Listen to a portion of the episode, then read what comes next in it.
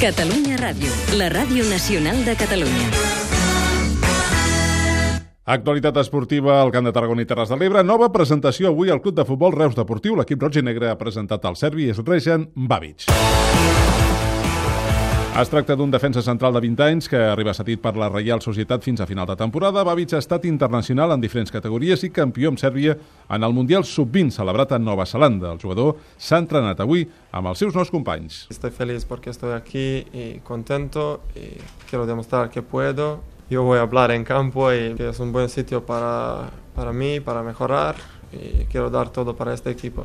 Vamos paso a paso. Quiero primero solo jugar y demostrar que puedo y estoy contento i feliç. Sergi Parés, el director esportiu del Reus, explica el que esperen del nou reforç. És un jugador que amb, amb Sèrbia té més de 30 partits internacionals, que va ser campió d'Europa sub-19 i campió del món sub-20, titular indiscutible amb la seva selecció, i la Real va pagar un traspàs molt important per ell al seu moment. La pretemporada aquesta l'ha fet amb el primer equip, i aquesta fase última, aquests dos mesos, ell ha fet un canvi també important eh, a nivell d'intensitat, a nivell de una mica de tot, i bueno, és un jugador que la Real hi té dipositades moltes esperances, que ells també han passat amb la sessió amb, amb nosaltres, també pensant amb el, amb el tipus de joc que intenta jugar el Reus, pensant amb l'entrenador perquè el coneixen molt bé i que també és un entrenador que pot fer créixer el jugador. A més de Babic, el Reus va tancar ahir la incorporació del migcampista portuguès Rafael Guzzo. És un jugador que juga, és un jugador que juga al mig del camp creatiu, que pot jugar de 8 i de 10, que la característica principal és la qualitat tècnica i a l'últim passe,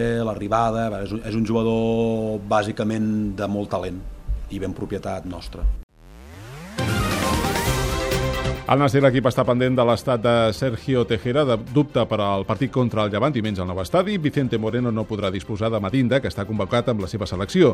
Avui el migcampista Miguel Ángel Cordero ha fet el primer entrenament amb els seus nous companys. Del partit de diumenge, Ferran Giner reconeix que sempre és especial jugar contra el líder, i més quan és un equip valencià i amb qui ha tingut lligam personal. Tant que el Llevant és un club fort, és un equip que, que jo crec que l'objectiu seu és, és pujar, però bueno, eh, sin ninguna por eh, anirem a per ells a ver estos puntos en casa. A més, mon pare va jugar ahí, també va ser segon entrenador ahí, i bueno, pues tinc ganes no, de, de guanyar les en casa.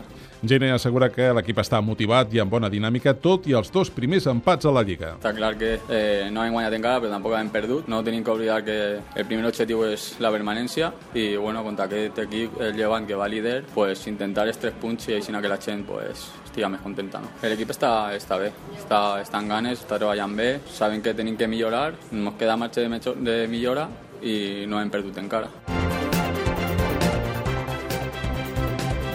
I en voleibol, el Sant Pere i Sant Pau de Tarragona ja ha començat la pretemporada en un any on tornarà a estrenar nova categoria.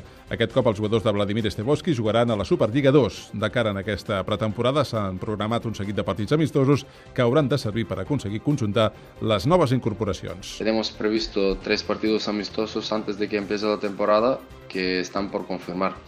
Este año hemos incorporado varios jugadores jóvenes con mucha proyección procedentes de la Blume y también de nuestro equipo juvenil.